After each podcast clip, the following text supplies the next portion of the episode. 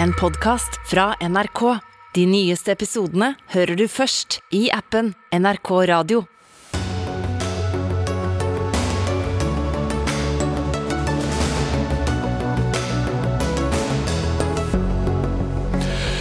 Hold avstand, ta på deg munnbindet. Nå er det kun bordservering på mange utesteder, og det er antallsbegrensninger på arrangementer. Begynner koronajulen 2021 å ligne litt på koronajulen 2020? Partiene på Stortinget kappes om å komme med de beste løsningene mot de skyhøye strømprisene, men kan de bestemme seg snart, kanskje? Skatteetaten skal inn i pendlerboligsakene, har bedt om opplysningene til alle som har hatt pendlerbolig siden januar 2017. Det kan bli dyrt for noen. Og det er umulig å leve av å skrive bøker, sier forfatter som har gitt ut fire bøker på om lag 20 år, og møter internasjonal bestselger til debatt med både forfatter- og foreleggerforening. Ja, og Med det sier vi velkommen til Dagsnytt 18 eh, denne torsdagen. Jeg heter uh, Espen Aas. Ja, antallsbegrensninger på private og offentlige arrangementer, munnbindpåbud og tilbake på hjemmekontor flere steder. Skjerpede avstandsråd i resten av landet. Det var noe av det som ble lagt frem på ettermiddagens eh, koronapressekonferanse for om lag to timer siden. Begrensningene de gjelder i regioner med mye smitte, særlig rundt hovedstaden og en rekke kommuner i Viken og Innlandet. Ingvild Kjerkol, helse- og omsorgsminister fra Arbeiderpartiet. Dette begynner å ligne veldig mye på julen for et eh, år siden. Det er bare det at nå er jo ni av ti nordmenn vaksinert. Hvorfor må vi legge så mye begrensninger i dagliglivet? Grunnen til at vi trekker i bremsen og innfører noen eh, litt mer inngripende tiltak enn dem vi har hatt på en stund for Oslo og en del kommuner i denne regionen, det er jo at vi har hatt et eh, utbrudd med den nye varianten omikron som vi vet for lite om foreløpig. Eh, det vi vet er at den smitter veldig hurtig. Og det her er en samla vurdering, både knytta til det utbruddet som ble kjent i går, og det at vi har en region med høyt smittetrykk, og hvor helsetjenesten står i et, i en, under en sterk belastning. Da. Mm. På en og samme pressekonferanse sier dere jo både at folk skal fortsette å gå ut, samtidig som vi jo åpenbart tar veldig mye smitte på alvor. Hva kommer nå til å skje med restauranter og uteliv og reiseselskaper fremover, tror du? Nå har vi jo gjort det her som et eh, regionalt Eh, tiltak hvor vi innfører eh, virkemidler for å begrense kontakt og hindre smitte i en region, ikke for hele landet. Det er også en forholdsmessighetsvurdering. Men, men de folkerike regioner, ja. så, så, spørsmålet er tror dere egentlig at noen kommer til å benytte seg av eh, uteliv og kulturtilbud ut fra den situasjonen dere har beskrevet? Det er viktig for meg å si at det går an å ha arrangement og julebord med de reglene vi har lagt fram i dag. Mm. Det er antallsbegrensninger, jeg skal ikke referere dem alle her, men det er begrensninger for private arrangement i leid lokale. Eh, og det er for offentlige arrangement, eh, hvor man ikke har fastmonterte stoler og anviste plasser. Ehm, og det går an å tilpasse det her, håper vi. Og det er også en bransje som har forholdt seg til denne type restriksjoner tidligere. Men at det selvsagt gir negativ konsekvens for en del arbeidsplasser, det tror jeg vi må være helt ærlige på. Mm. Men det skal ikke kompenseres? Det har finansministeren eh, sagt i dag at det skal. Eh, den kommunale Men ikke tap på, på omsetning? Nei, den kompensasjonsordningen som finnes for eh, kommunene i dag og lokalt næringsliv, den videreføres ut året. Og finansministeren åpna også for nye kompensasjonsordninger etter jul.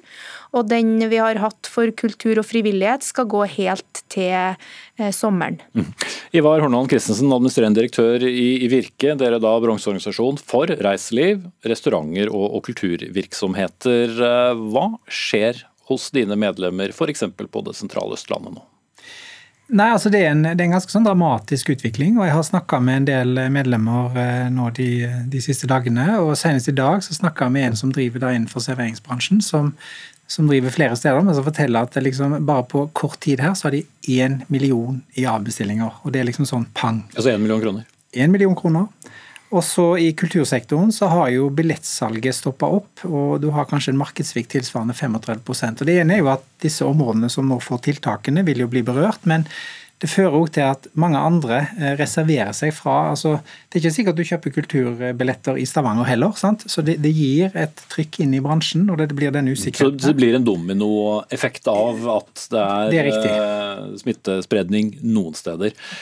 Og så kan jeg ta reise, bare for å ta reiseselskapene. Snakka med en som bare på eh, en uke, fra, fra forrige uke til nå, har 90 eh, omsetningsnedgang. Dvs. Si at man bestiller heller ikke reiser lenger. Mm. Det henger jo litt sammen med, med reiseråd at man syns det er vanskelig. Så noen av de jeg har snakka med nå, har jeg litt sånn følelsen av at det er en sånn stor usikkerhet hos disse bedriftslederne. For det, det er så voldsomt. Det er litt sånn 12. Eh, mars-opplevelse hos noen av disse nå. Mm. Men hva slags kompensasjonsordninger er tilgjengelige for de nå?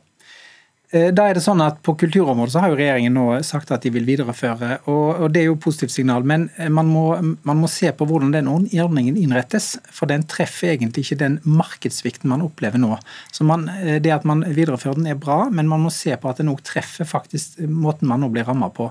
Og Så har vi vært tydelige i dag at med det som vi nå står i, så må vi altså ha kompensasjonstiltak som treffer disse virksomhetene, arbeidsplassene. Og nå viser jo regjeringen til den kommunale ordningen.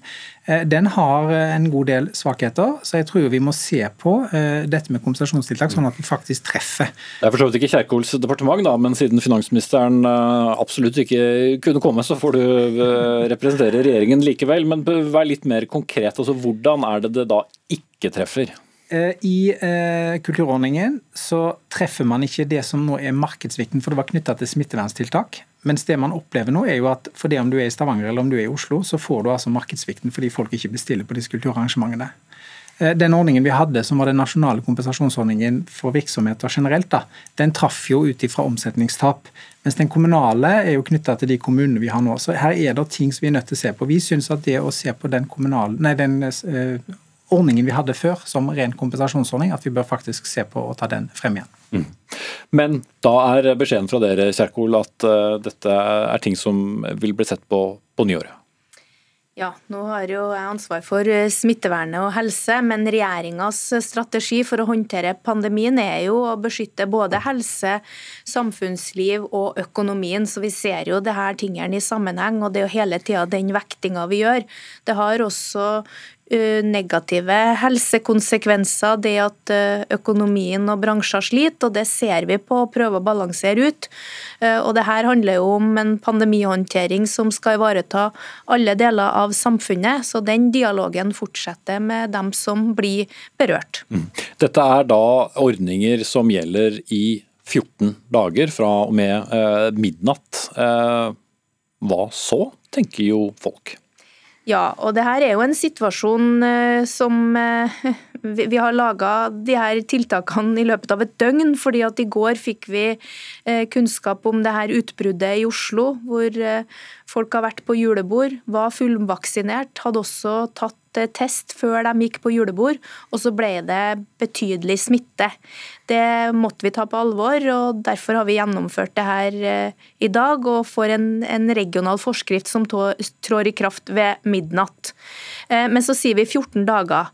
Eh, og så håper vi at vi vet mer om 14 dager, men vi følger jo det her time for time, dag for dag, og det kan endre seg. Mm. Hva skjer i løpet av 14 dager for dine, mener du? Nei, altså Vi følger jo denne utviklingen veldig tett nå, og det er dramatisk det som har kommet de siste dagene bare for disse bransjene jeg har nevnt nå. Men vi kommer til å følge dette tett, og vi kommer også til å være tydelige og dele disse tingene med regjeringen for faktisk å se på hvordan vi kan få opp disse kompensasjonstiltakene. fordi eh, Hvis det er sånn at dette bare varer i 14 dager, så er nå det én ting, men det vet vi altså ingenting om. og det er iallfall ikke jeg som skal svare på. Men, men det er kanskje ikke så mange som akkurat nå booker uh, noe som helst, verken i januar, februar eller mars? Det er ingen som booker noe som helst nå, når reiseselskapene opplever 90% omsetningsnedgang. gang, så er usikkerheten så stor. og det vi må ta inn over oss, at Usikkerheten i seg selv er ikke tiltakene, men usikkerheten i seg selv endrer atferden hos folk.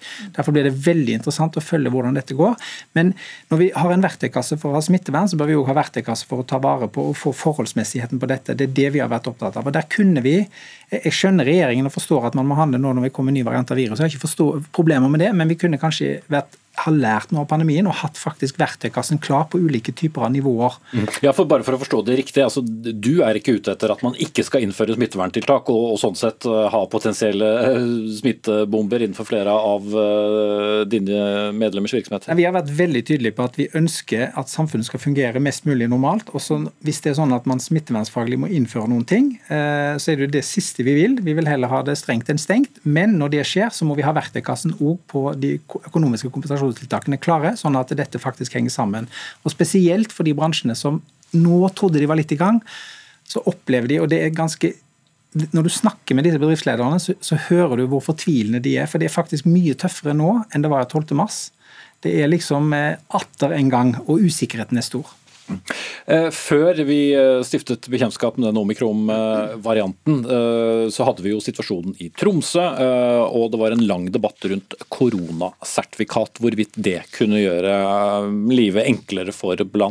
utelivsbransjen. Nå er vi tilbake til bordservering og registrering ved ankomst på stedet med, med mye smitte. Har ikke koronasertifikat lenger den funksjonen det kunne hatt med den nye varianten?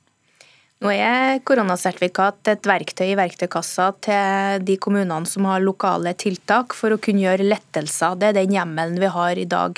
Og så utreder regjeringa hvordan vi eventuelt kan bruke det mer forebyggende, eh, for å gi forutsigbarhet til noen av de bransjene som eh, blir omtalt her fra Virke. Det krever en egen lovbehandling, så det vil jo ikke være klart før etter jul.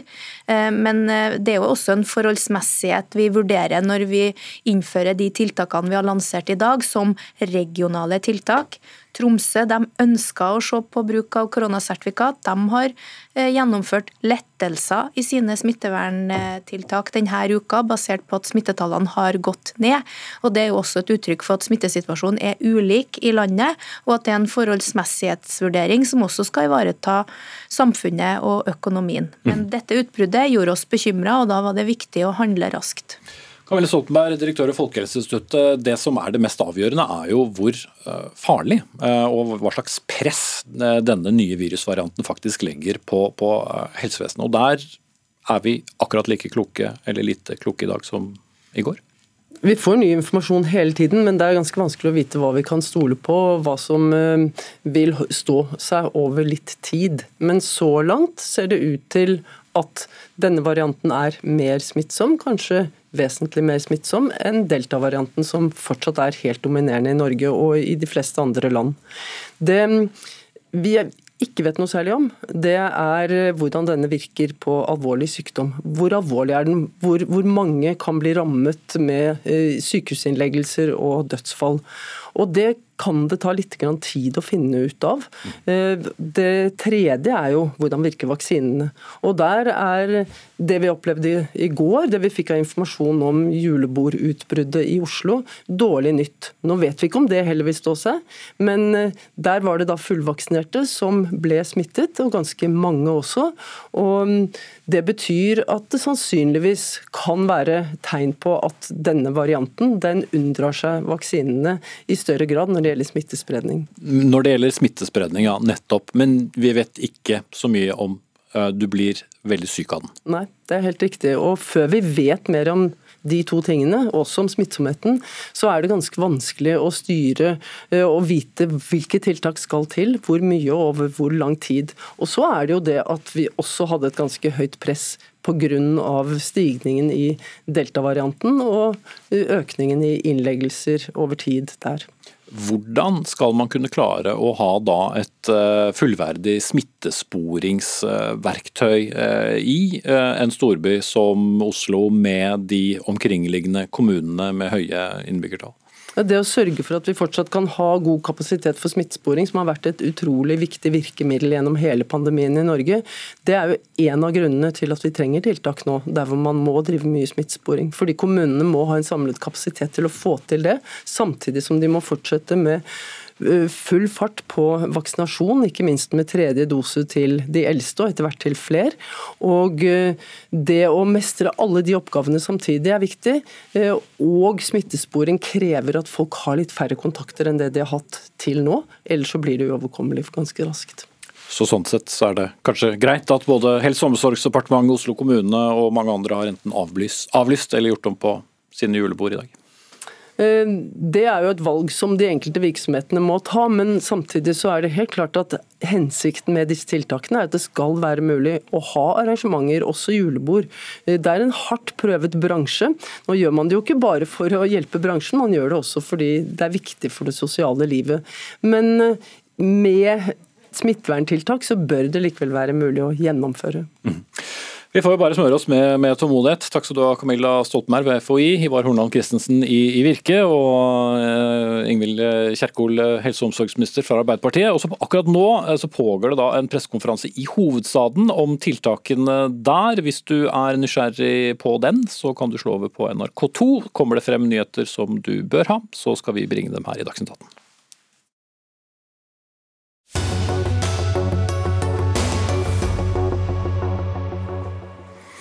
Så skal jeg også nevne noe som kommer litt senere i sendingen. Det har vært eh, mye fokus på pendlerboligordningen på Stortinget. Skattedirektøren kommer hit til Dagsnytt 18 for å fortelle hva slags arbeid de setter i gang når det gjelder nettopp eh, dette. Men nettene er eh, jammen meg blitt lange, og kulda har for alvor satt inn mange steder. Og det koster skjorta og buksa. Hva vil politikerne gjøre for å kompensere for høsten og vinterens rekordhøye kraftpriser til de som sliter med å betale regningen, og jo lenger prisnivået holder seg, jo flere vil slite med nettopp det. Noe endelig svar har vi ikke fått på det, men opposisjonspartier har fremmet det ene opplegget etter andre denne uken, og i forkant av dagens finansdebatt i Stortinget besluttet de parlamentariske lederne i SV og regjeringspartiene Arbeiderpartiet og Senterpartiet å be regjeringen eh, om å komme med et eh, kompensasjonsforslag. Og Amund Vik, statssekretær i Olje- og energidepartementet fra Arbeiderpartiet, dette er du muligens eh, i gang med. Du stepper inn her i Dagsnytt 18 på vegne av din sjef, olje- og energiminister Marte Mjøs Persen. Når får vi noe svar fra regjeringen? Eh, nei, nå jobber vi med å, å, snu hver stein og vurdere alle de forslagene, inkludert de forslagene som nå har kommet fra opposisjonen i løpet av debatten i dag og tidligere. Eh, og så er målet vårt å komme til Stortinget med noe så raskt som overhodet mulig. Men det viktige her, dette er jo en, en alvorlig situasjon som rammer mange vanlige folk rundt omkring i landet. Så det er viktig for oss å være nøye. Så vi, vi skyndte oss, eh, men prøver å være så nøye som mulig og kommer til Stortinget så fort det lar seg gjøre. Mm. For det er jo slik at det er eh, oss forbrukere som nå betaler dyrt. Strømselskaper håver inn penger på høye energipriser, og staten drar inn enorme summer på både moms og avgifter. Mm. Nei, altså, vi er jo bekymra nå for at det er familier der ute som vil, være, som vil ha problemer med å betale strømregninga i den eh, vinteren vi går inn i nå. Så dette tar vi på det absolutt aller største alvor eh, og prøver nå å finne de beste løsningene for veien videre. Nå har regjeringen allerede både økt bostøtta og ganske kraftig satt ned elavgiften, men vi ser jo at med de prisbildene som vi ser framover i løpet av vinteren, at det ikke vil være tilstrekkelig. Så nå jobber vi med å få ytterligere tiltak på plass. Eh, vi kunne sikkert uh, brukt mye tid på det, noen av de tiltakene her, og hva det utgjør for den enkelte familie. Men la oss uh, se fremover. Hvor snart kan det skje, egentlig? Altså, mange julegaver kan jo forsvinne i en ukes varme dusjer i flere familier? Nei, Som sagt så prøver vi jo nå å jobbe så raskt som, som vi får til. Jeg kan ikke love noe annet nå enn at vi jobber veldig raskt og prøver å få dette klart eh, så fort som mulig, rett og slett. Eh, det har jo da ramlet inn med forslag. MDG har foreslått en kontantutbetaling på 7500 for en familie på, på, fire. Høyre mener at en familie på fire med inntekt under 1,2 millioner skal få 3000 kroner. Studenter får 1000 kroner ekstra. Frp vil gi dele ut 4000 kroner i strømstøtte til alle husstander med en eneste gang. Og SV som har vært innom en ordning med kontantutbetaling som gis til personer og familier som strever med strømregningen. Er det ikke bare å velge da Amund Vik og så komme i gang? For den strømregningen den blir jo ikke mindre mens dere ser på dette? Nei, altså Dette viser jo først og fremst at her er det, det er mange ulike forslag til hvordan dette kan løses. Noen forslag som går på forhold i selve markedet, og noen forslag som handler om å kompensere eh, strømkundene i etterkant. Eh, for oss er det viktig å finne en løsning som både avhjelpe situasjonen for dem som står eh, i denne eh, situasjonen med høye strømpriser ute i landet, men som også både lar seg gjennomføre eh, og står i stil med, med utfordringen. Så Derfor så går vi jo gjennom alt dette nå så fort, som vi, så fort som vi klarer for å komme fram med noe. Da tror jeg alle har fått med seg det. Lars Haltbrekken, energipolitisk talsperson i, i, SV. Det er jo dere som er det berømmelige støttepartiet for den nye regjeringen. Hvor lang tid skal de få? Nei, Vi mener at dette må komme på plass eh, før jul. Vi skal ha en siste runde på årets statsbudsjett uh, i eh, dagene før jul, og det mener vi er Da må vi ha dette på plass, sånn at folk kan gå jula i møte i trygg forvissning om at de får økonomisk hjelp fra staten til å klare de skyhøye strømregningene som vi ser nå alle forslagene som er fremmet, uansett parti, ville vært kjærkommen hjelp. Hvorfor ikke bare si at eh, vi støtter MDGs forslag, Høyres forslag, og så få det gjennomført? Høyres eh, forslag eh, er et godt forslag som vi håper regjeringa ser på. Men vi skjønner jo også at det tar bitte litt tid å finne ut ei skikkelig ordning som faktisk treffer dem som nå eh, trenger hjelp. For situasjonen er eh, alvorlig. Eh, jeg tror ikke på å dele ut penger til absolutt alle. Da, vi, da blir det flatt og mindre til dem som faktisk trenger det. Vi må sørge for at vi nå treffer de folka som trenger hjelp, og at de får en ordentlig støtte, i stedet for at vi også sender penger opp til dem som har veldig god råd, og som ikke har noen store problemer med den situasjonen som er. Tina Bru, finanspolitisk statsperson og for så vidt nestleder i Høyre, og tidligere olje- og energiminister. Du burde jo kjenne dette fra innsiden. Hvor, hvor vanskelig er det å gjøre noe med galopperende energipriser? Å gjøre noe med prisene som de er i, i, Norge og Europa nå, altså i markedet, det er eh, vanskelig. Men det som er mulig å gjøre, er jo nettopp det vi sitter her i studio og diskuterer nå. Altså hvordan kan vi bøte på dette? Eh, for de som nå strever med å betale regningene sine gjennom en form for en kontantutbetaling. Eh, og Det er vi faktisk helt nødt til å gjøre. Situasjonen nå er ekstrem. Det er mange som kommer til å ha store problemer med å betale regningene sine, og det skulle bare mangle. Mm. Men 14. oktober var for så vidt din siste dag, da, men inntil da så satt jo du i det samme departementet. Vannmagasinene var ikke stappfulle. Eh, det kom meldinger om energisituasjonen i, i Europa som vi pøser ut masse kraft til, og, og prisene går til værs. Burde vi ha gjort noe med dette før? Altså, prisene var høye eh, tidlig på høsten. Da var det på en måte ikke en like stor bekymring for så mange, fordi da brukte vi ikke så mye strøm heller, fordi da var det ikke så kaldt. Men nå er situasjonen en annen. og så har vi jo hatt en periode... Men ingen ble vel overrasket at vi bruker mer strøm når det blir kaldt? Nei, nei, nei, selvfølgelig ikke. Men så svingte prisene litt ned igjen, for det begynte å blåse i Europa, og det så litt bedre ut. Og nå er det på en måte en hel ekstrem, eh, ekstrem situasjon igjen. og Derfor er vi nødt til å gjøre noe nå. Og min kritikk, selv om jeg syns det er veldig fint at, eh, at SV sier de vil se på vårt forslag, og at de pusher på for at regjeringen skal komme med en løsning, men nå leverte altså regjeringspartiene og SV for tre dager siden et budsjettforlik i Stortinget.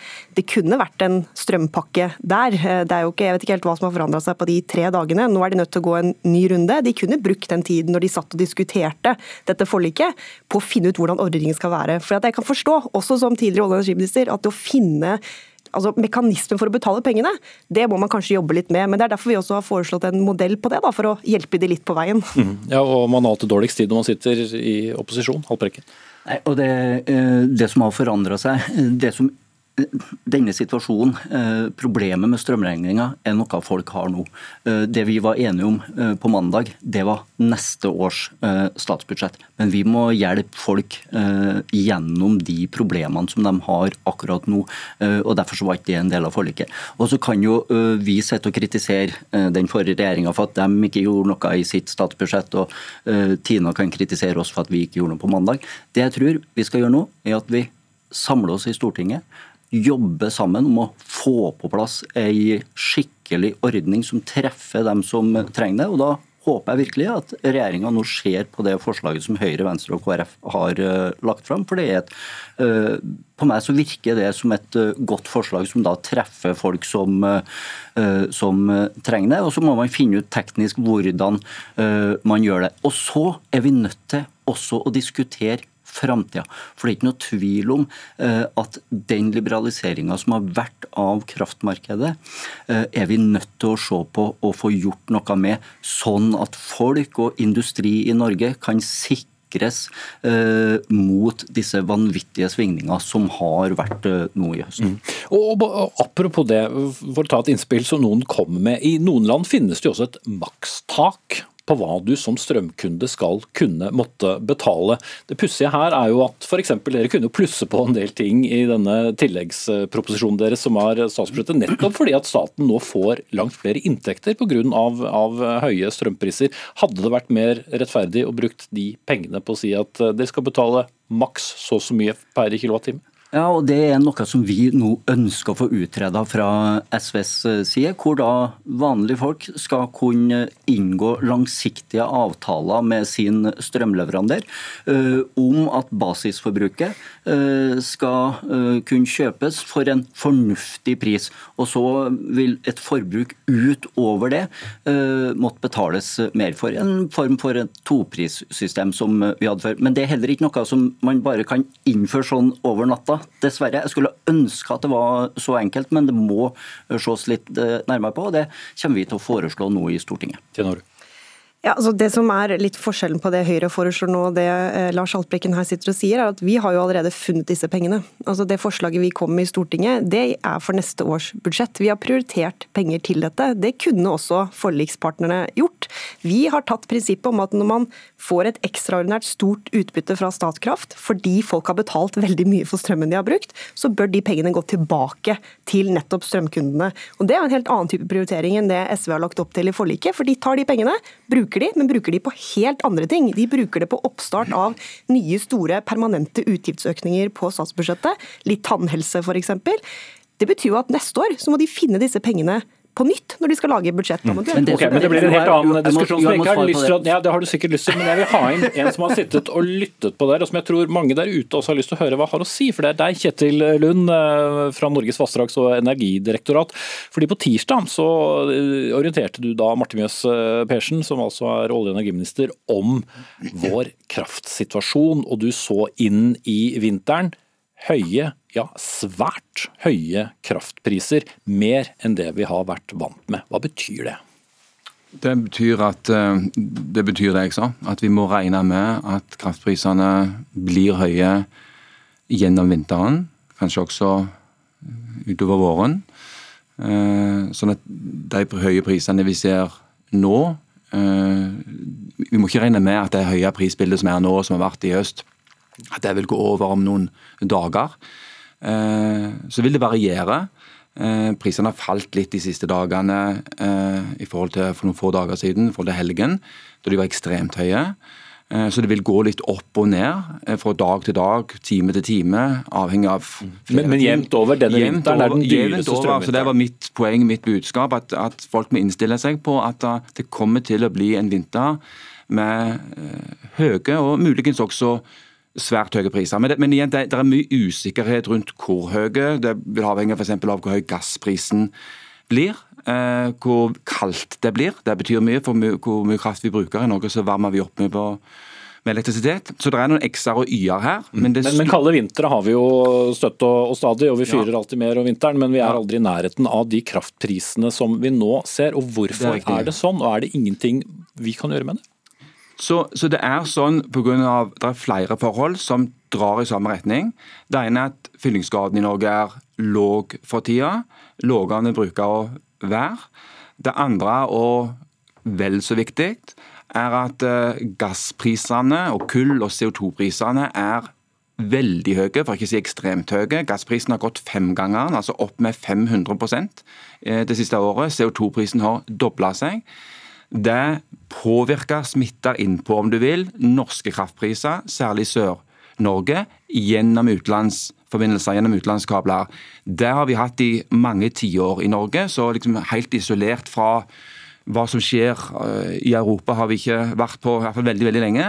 Men det er flere kabler, og vi eksporterer mer kraft. Riktig, og det skulle komme til. Og nå har vi flere kabler, og da blir vi enda mer eksponert for prisbildet i Europa. Eh, så det er en veldig viktig forklaring på de høye prisene. Strømprisene er enda høyere i de fleste andre land enn de er i Norge. Mm. Men bare stoppe ved det du sa. Så ved å ha flere utenlandskabler så eksporterer vi mer til uh, utlandet? I, det, i det, den situasjonen som er nå, så er svaret på det definitivt ja. fordi at da, Nå er prisene enda høyere, nå er de virkelig høye i mange europeiske land.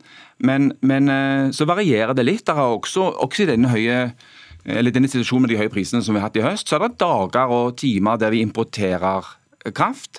Eh, særlig når vind- og solkraft produserer mye og prisene faller, så vil kraftflyten gå Eh, noe begge veier. Og over tid, etter hvert som de planlegger å bygge enda mer fornybar i mange europeiske land, så vil den flyten nok bli enda mer begge veier. Men i det bildet som er nå, den høsten som er nå, så er det ikke tvil om at det er en veldig sterk eh, eksportimpuls, om du vil, at kraften har gått mye eh, ut. Men så er det jo prisen vi er mest opptatt av. Ville den vært annerledes dersom vi hadde eksportert mindre kraft til Europa? du, altså Hvis vi ikke hadde hatt kraftkabler?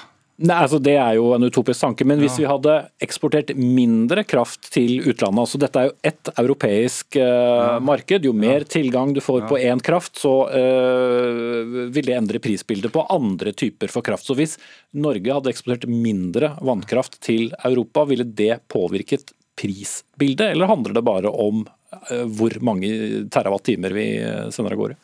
Altså, vi, når, vi, når vi, vi, har de kablene som vi har, og vi er en del av et felles nordisk kraftmarked. Det har vi vært i 25 år, og i stadig større grad en del av et mer integrert europeisk marked. Og Da er det avtaler og regelverk rundt fly, at skal, skal kunne, kraften skal kunne flyte i de kablene som er.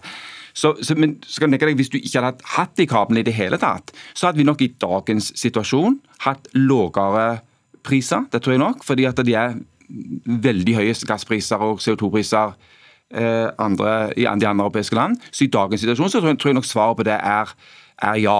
Men de kablene bidrar òg til kraftutveksling, og det varierer litt med eh, tidspunkt og, og, hvordan kraftproduksjonen er rundt forbi. Men i dagens situasjon så tror jeg nok kraftprisene hadde vært noe lavere uten, uten kabler, ja. Mm.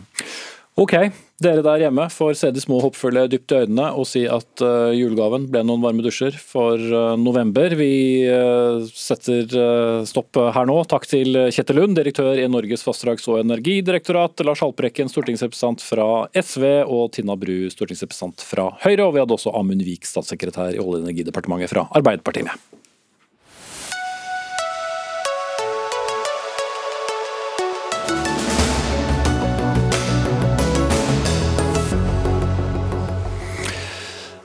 Er det alle forunt å kunne leve av å skrive bøker? Vel, noen har svart på det. I en kronikk i Klassekampen så eh, etterlyser nemlig forfatter Kari Brenne bedre avtaler fra forlagene våre, som gjør at du ikke trenger å ha en ekstrajobb eller to eller tre for å få det til å gå rundt, dersom du vil livnære deg av å skrive bøker. Og Kari Brenne, forfatter av fire romaner, også flere eh, skuespill. Du skriver i kronikken at eh, bokbransjen eh, behandler dere dårlig, og du har også sagt at det er nærmest ydmykende hva forfattere får betalt per solgte bok. Fortell oss, hva, hva tjener du? Ja, altså Den siste boka mi ehm, det var da et opplag på 1600 eksemplarer, som er nå, skjønner jeg, ikke sånn helt uvanlig. Det er ganske vanlig med såpass små opplag. Ehm, den brukte jeg fem år på å skrive, og tjente 109 345 kroner. Det vil si at jeg hadde en årsinntekt på sånn litt over 20 000, eh, som er da selvfølgelig lavere enn alle andre som eh, jobber i bokbransjen. Fra helt, eh, ned, altså helt fra redaktøren på forlaget helt ned til han som står eh, bak trykkpressa i Latvia, ikke sant? i lavkostlandet. Eh, du må liksom til en helt annen del av verden for å finne den type inntekter. Da. Mm. Men hvis du selger 1600 eksemplarer av en bok, hva vil du forvente til å tjene?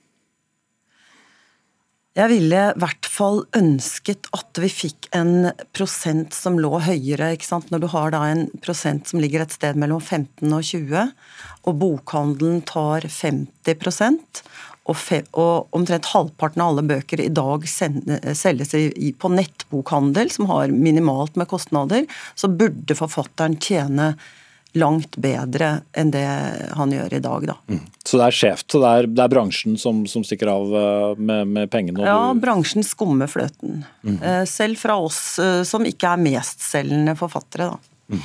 Men hvem har ansvaret for at det er sånn? Er det du som undertegner en kontrakt hvor du sier ja, jeg takker ja til den prosentandelen hvis dere vil gi ut uh, boken min, eller uh, ja, det, det er jo, har jo jeg også da delvis skyld i, selvfølgelig. Men denne kontrakten har i hvert fall uh, hver eneste gang jeg har gitt ut bok, så har denne kontrakten kommet først når boka går i trykken. Og da kan ikke jeg snu og si nei. Og da ser jeg på kontrakten opplagstallet, ikke sant. Mm. Men du regnet vel heller ikke med at det skulle være en årsinntekt å, å leve av? Men, nei, det har jeg ikke regnet med. Nei, du fikk til, til salt i såret, si.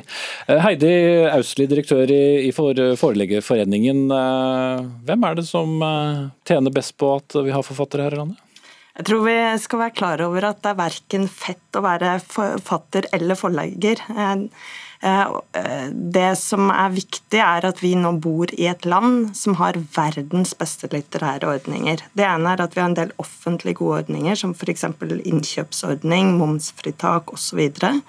Og så har vi som bransje, altså forfatterorganisasjonene og Forleggerforeningen, vi har laget noen kollektive avtaler som sikrer forutsigbare rammebetingelser for det å produsere bøker. Mm. Men det å leve av å skrive bok, det er ikke så veldig mange forunt? Nei, det er jo ikke det. Selv om det er sånn at eh, det ble utbetalt en halv milliard kroner til forfattere, altså i såkalte sånn royalty-utbetalinger i fjor. Men det er altså bare 10 av eh, forfatterne som henter ut 90% av det. Det betyr at det er noen forfattere som tjener eh, veldig mye.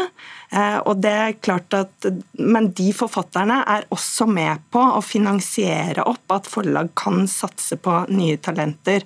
I fjor så ble det gitt Som får ned mot 20 000 i året for å ja, men de, skrive en bok? De kollektive avtalene de gjelder for alle forfattere. Og så er det noen forfattere som blir bestselgere, men så er det veldig veldig mange forfattere som eh, gir ut bøker sammen med forlagene sine.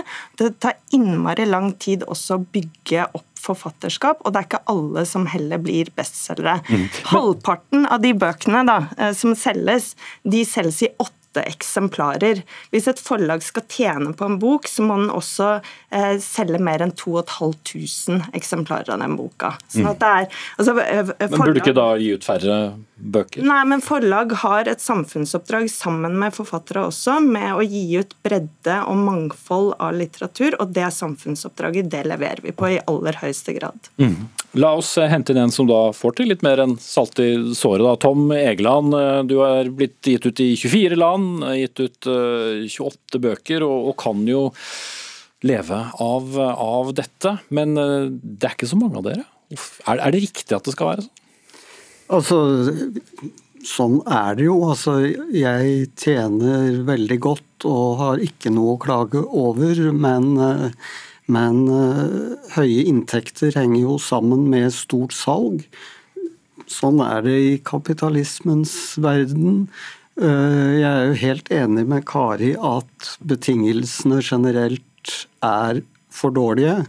Uh, ikke minst fordi den normalkontrakten som Heidi refererer til, og som alle undertegner, altså fra en debutant i Jo Nesbø, den ble jo fremforhandlet hva skal vi si, etterkrigstiden. Altså Det er så mange forhold i den normalkontrakten som ikke er ajourført. Eh, sånn den er ikke laget for 2021? På ingen måte.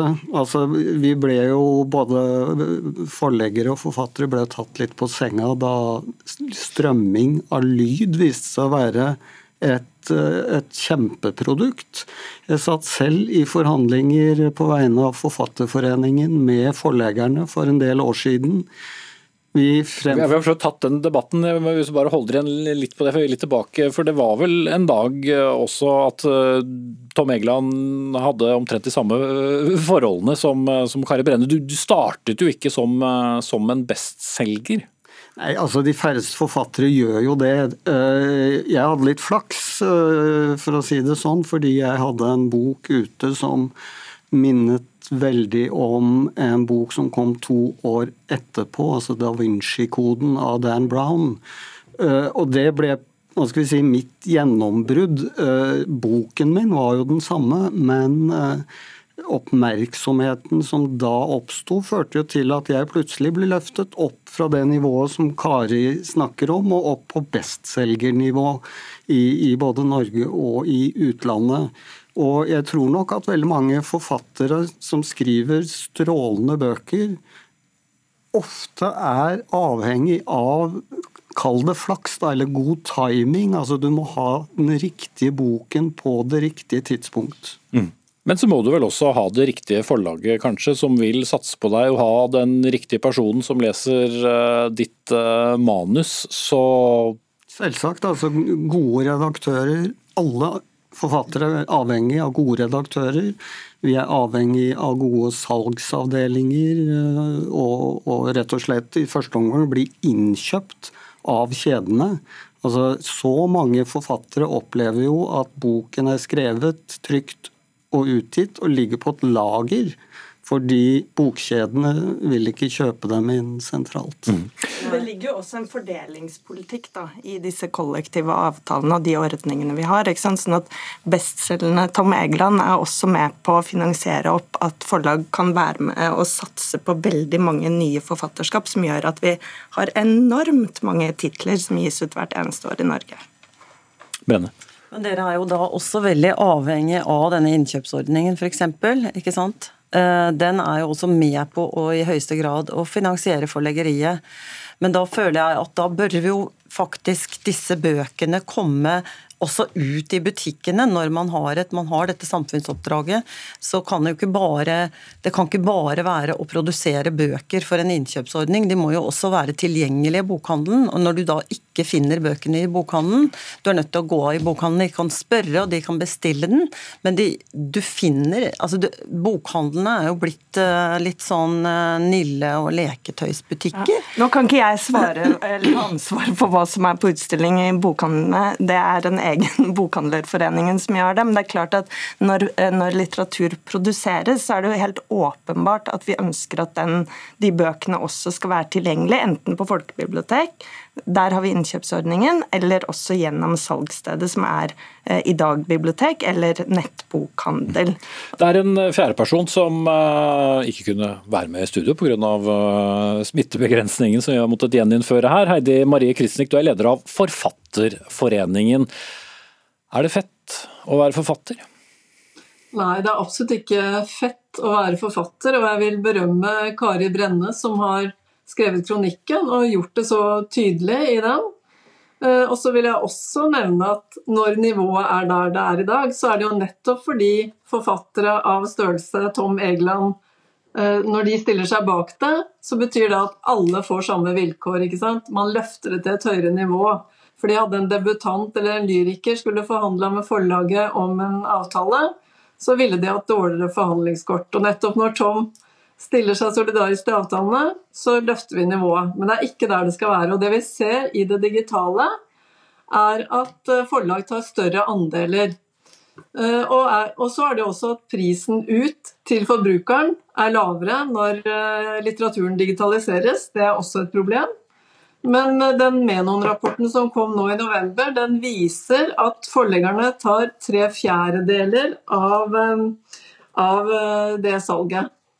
Mm. Det, her er det jo noen forflytninger, og det en også ser, er at det blir en større konsentrasjon rundt bestselgerne i det digitale. Mm. Men eh, bare for å forstå hvordan dette henger sammen, Tom Egeland. Altså jeg bare sjekket hva din siste bok om Bjørn Belter eh, koster i salg. 349 kroner må jeg betale hvis jeg skal gå og kjøpe den til, til vanlig fullpris. Hva får du av én bok? En hardcover-bok i, i, det som kalles fastprisperioden får vel jeg, tror jeg, 60-65 kroner. Jeg har egentlig ikke finregnet på det, men rundt ja, 65 kroner per, per solgte eksemplar. Og så går jo dette hva skal vi si, altså Den royaltyen eller det honoraret går jo ned. Eh, F.eks. når boken går ut i pocket, så blir det vesentlig dårligere. Egentlig burde du bli mer, for da har jo forlagene kvittert ut liksom alle Jo, men det er bare for å forstå litt, for da er det jo rett under ja, Hvis du får da rundt 60 kroner, så er det jo rett under 300 eh, kroner da, som går andre eh, steder. og Hvor, hvor går alle disse pengene hen? Det er jo en lang produksjonslinje på, på en bok, eh, men, men, det er sånn at inntektene til forlag generelt sett de har flata ut de siste ti årene. Prisveksten på bøker derimot, den har ikke steget spesielt mye. altså Den har bare gått opp 10 den. Eh, sånn at den Ideen om at bøker er dyrt i Norge f.eks., den eh, er jo ikke sånn. Alle andre kulturtjenester har gått opp 36% og brød 25% så det er altså dyrere med brød og sirkus enn bøker i Norge. Men, men, poenget her er jo at det er eh, sånn at forlag tjener ikke nødvendigvis veldig mye på alle de titlene som gis ut, men man velger likevel å satse. Og så er det jo den fordelingspolitikken som også ligger i avtaleverket, og det mener jeg at vi, eh, vi har vært gode, ja, vi har vært gode på å utvikle det til nå, og så skal vi også fortsette å utvikle på det. og her Senest i sommer så lagde vi en avtale med mellom Forleggerforeningen og forfatterorganisasjonene, som omfatter de som er medlemmer her, som er rett og slett verdensledende. Det er ingen andre forfattere eller forlag som har så gode og forutsigbare avtaler. Kari Brenne, det høres jo mest ut som du skal være veldig glad for at du får lov til å være forfatter? da? Det høres sånn ut, men eh, jeg vil jo si at eh, det har skjedd eh, i bokbransjen så har det jo skjedd de siste 20 åra har det skjedd store endringer i forhold til effektivisering av produksjonen og distribusjon og salg av bøker. og og, og, altså Forlagsvirksomheten er mye mindre risikofylt enn det den var eh, i gamle dager. Da, folk, da noen skulle sette disse ikke sant, trykkpressa og sånn. Samtidig så har du disse nett, nettbokhandelen som er mye billigere i drift enn en vanlig bokhandel hvor det er eh, ansatte. Så du vil gjerne sett at eh, det regnet eh, litt, ja, litt mer på deg for vi, å vi, synes, vi skulle ha en mye høyere prosent enn det vi får. Det mm. syns jeg er helt opplagt. Og da vet jeg at Heidi Hausli, direktør i Forleggerforeningen, har lyst til å fortelle hvorfor det fortsatt er sånn, men vi runder av her. Takk skal du ha, Tom Egeland, for forfatter. Du skal videre på, på Bokbad. Forfatter Kari Brenne og Heidi Marie Kristnik, som er leder av Forfatterforeningen. Takk skal uh, dere ha. Og så kan det hende dere syns det er litt gøyere å holde på med dette enn brød, da.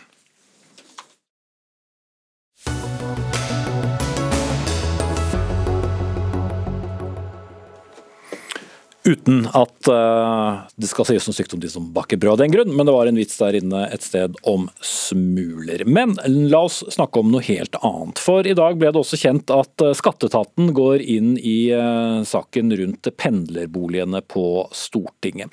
Etaten skal kontrollere årene 2017 til og med 2020 for å sjekke om det er beregnet riktig skatt på alle de som har fått innvilget pendlerbolig. Som kjent har det vært flere avsløringer i mediene om folkevalgte som har fått pendlerbolig, samtidig som de har eh, disponert bolig nærmere enn fire mil fra Stortinget, som altså er grensen for å få pendlerleilighet. Alle skal altså eh, gjennomgås. Nina Skanke Funnmark, skattedirektør. Hvorfor velger dere å gå inn i denne saken nå? Aller først så har jeg lyst til å si at Vi generelt ikke kommenterer pga. taushetsplikten enkeltsaker og enkeltkontroller. Eh, men i dette tilfellet så har Stortinget og eh, Statsministerens kontor selv eh, valgt å informere om at vi har varslet om kontroll. Og Det vi har varslet om kontroll på nå, det er arbeidsgiverkontroll. Eh, og vi gjør det fordi vi mener at det er et viktig prinsipp og viktig for oss som skatteetat å sikre likebehandling. Og der hvor saken er nå, så mener vi at kontroll gir oss det beste grunnlaget for å sørge for at vi får den informasjonen vi trenger og bidra til likebehandling. Men for å forstå hva dere da skal gjøre, skal dere først og fremst se om statsministerens kontor, som har ansvar for pendlerboliger for uh, statsråder, og Stortinget, som da har ansvaret for pendlerboliger til uh, stortingsrepresentanter, har gjort sin jobb? Eller vil det også handle om hvorvidt uh, enkelte representanter har blitt beskattet riktig? Så det, det, jeg kan bekrefte at vi har satt i gang nå, det er en kontroll mot arbeidsgivere, arbeidsgiverkontroll. Eh, og Det som fremkommer av den informasjonen som har gått ut, er at vi har bedt om informasjon om hvem som har mottatt pendlerboliger, i hvilken periode de har mottatt pendlerboliger, og om de har betalt vederlag for pendlerboligene. Eh, og Når vi eh, mottar den informasjonen, så vil vi behandle det og se det i sammenheng med den andre informasjonen vi har. Eh, vi gjennomfører eh, arbeidsgiverkontroller i stort omfang hvert eneste år. Hittil i år har vi gjennomført over 12 000 arbeidsgiverkontroller. Eh, og her er det da to arbeidsgiverkontroller til som er varslet. Mm. Men dette er jo ikke helt vanlige arbeidsgivere, og det er jo heller ikke egentlig arbeidstagere vi snakker om. Fordi ingen av disse det gjelder er ansatt eh, hos eh, Stortinget. Eh, de er, er valgt inn og har helt egne ordninger, og er jo på sett og vis som enkeltselskaper, men fordi de er folkevalgt så er det litt andre ordninger. Så, sånn sett så er vel dette en ganske unik sak i deres historie? Altså, det jeg kan si generelt er at eh, vi eh, skal eh, sikre at det betales arbeidsgiveravgift på bakgrunn med utgangspunkt i de fordelene som arbeidstakerne får. Og Det være seg lønn, om det er fri bil, fri telefon eller fri bolig. Og Da skal vi kontrollere at det er innrapportert på riktig vis, og at det er beregnet riktig arbeidsgiveravgift. Ja. Og Hvis det ikke er det, vil det da først og fremst få konsekvenser for arbeidsgiverne eller for de representantene? Kan du øh, forklare og, prøve å gjøre oss litt klokere på det? Igjen så må jeg kommentere på generelt grunnlag. Eh, som sagt, Vi gjennomfører mange slike kontroller hvert år. Eh, dersom, Når vi får den informasjonen vi trenger, eh, så er det noen ganger at alt er i orden. Da gjør vi saken ferdig. Noen ganger så er det sånn at vi trenger ytterligere informasjon. Da må vi tilskrive en gang til og be om ytterligere informasjon. Eh, og når vi får det, så kan det være at vi ser at her er det et eh, feil grunnlag, og vi må eh, etterberegne en avgift og be om at den blir innbetalt. Når vi da gjennomfører en slik arbeidsgiverkontroll, så forventer vi også at arbeidsgiver innrapporterer den fordelen som arbeidstaker skal få innrapportert, slik at vedkommende får Eh, eh, må betale den skatten vedkommende skal. Mm, og Da må det innrapporteres eh, riktig. Ja. Til slutt, hvor stor betydning har saker som denne som nå er oppe, som har ja, frembrakt mange reaksjoner hos vanlige skattebetalere. Hvor, hvor viktig er slike saker for, for folks vilje til å betale sin skatt? Om ikke med glede, men i hvert fall å gjøre som de skal? Generelt der vil jeg også si at, at vi alle sammen Eh, de aller fleste ønsker å betale skatten på riktig måte, men da er vi avhengig av at alle betaler skatt, eh, den skatten vi skal, eh, og at vi som skatteadministrasjon sørger for at vi gjør det enkelt og gjør det riktig for de som vil, men at vi følger opp de som ikke gjør det riktig. Mm. Takk skal du ha, Nina Skanke Funnmark, skattedirektør. Og så får vi se om det blir betalt like mye med glede, også hvis det må betales i etterkant.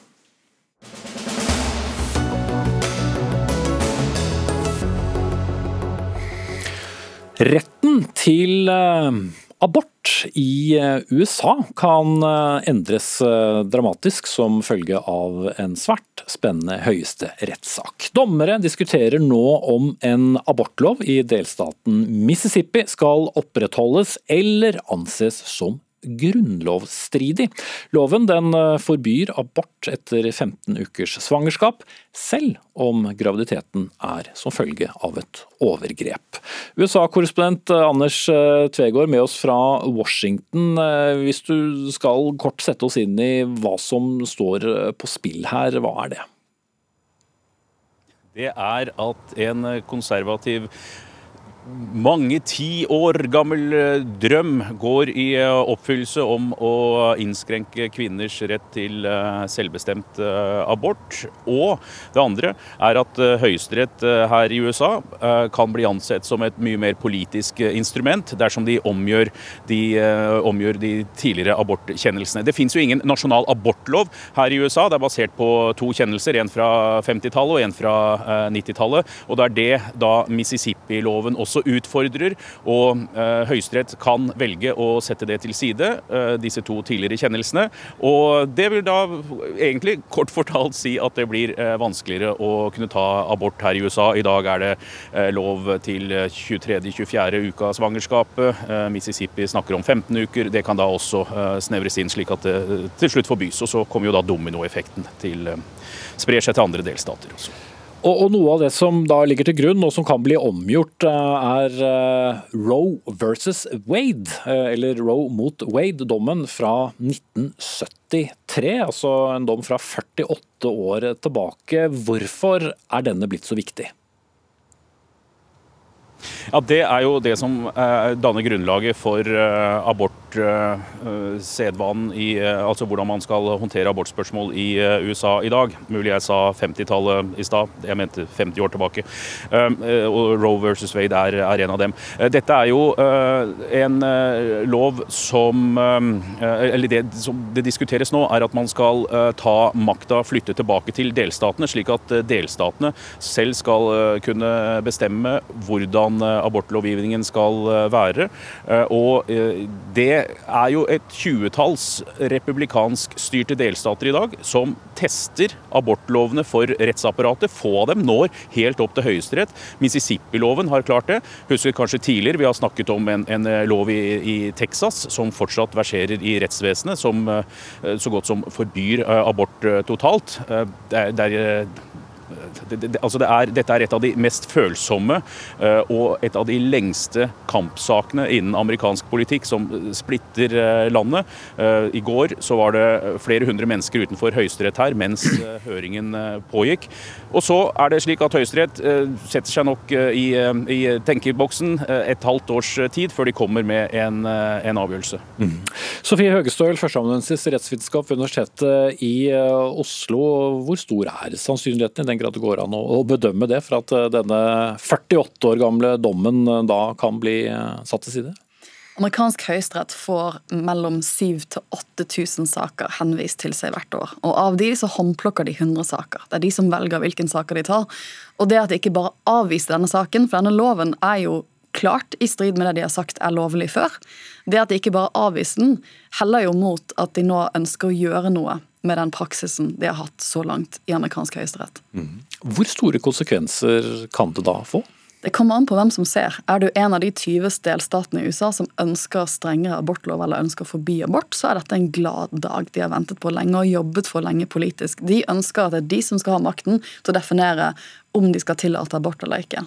Eh, mener du at eh, retten til selvbestemt abort burde være en grunnlovsfestet rett, eller er en grunnlovsfestet rett, så er dette en ganske vanskelig dag. Mm. Abortsaken eh, er jo en sak som er veldig viktig for en del, ikke minst de som ikke vil at man skal kunne ta abort. Kan det føre til at det kan bli et totalforbud mot å, å, å ta abort, som vi er kjent med fra andre deler av verden? Det kan være starten på det, eller det kan være starten på at delstatene får bestemme selv. Og Da vil jo New York for eksempel, fortsatt tillate abort, men spørsmålet er om Texas vil gjøre det.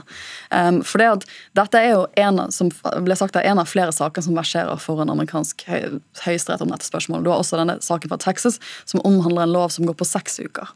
Uh, og Det som egentlig er det nok det mer reelle utfallet av denne saken her, er at amerikansk Jeg hørte på eh, De hadde to timer med høringer i går. Jeg hørte på de. Det er de konservative dommerne, og de har et flertall. Det er seks av de. Det er tre av de liberale dommerne som ønsker å fortsette den abortpraksisen de har hatt så langt.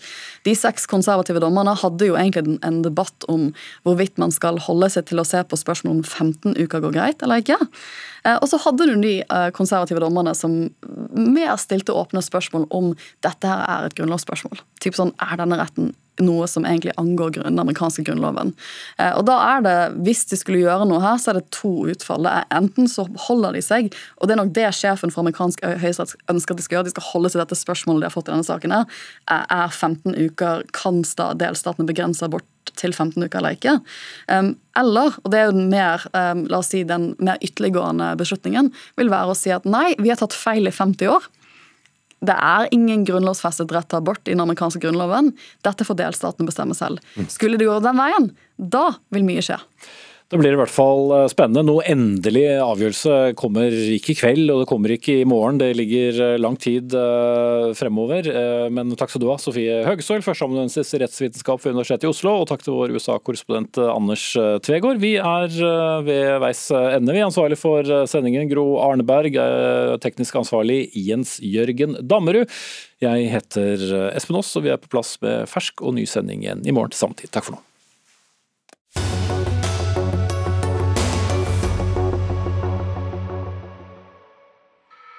Du har hørt en podkast fra NRK. De nyeste episodene og alle radiokanalene hører du i appen NRK Radio.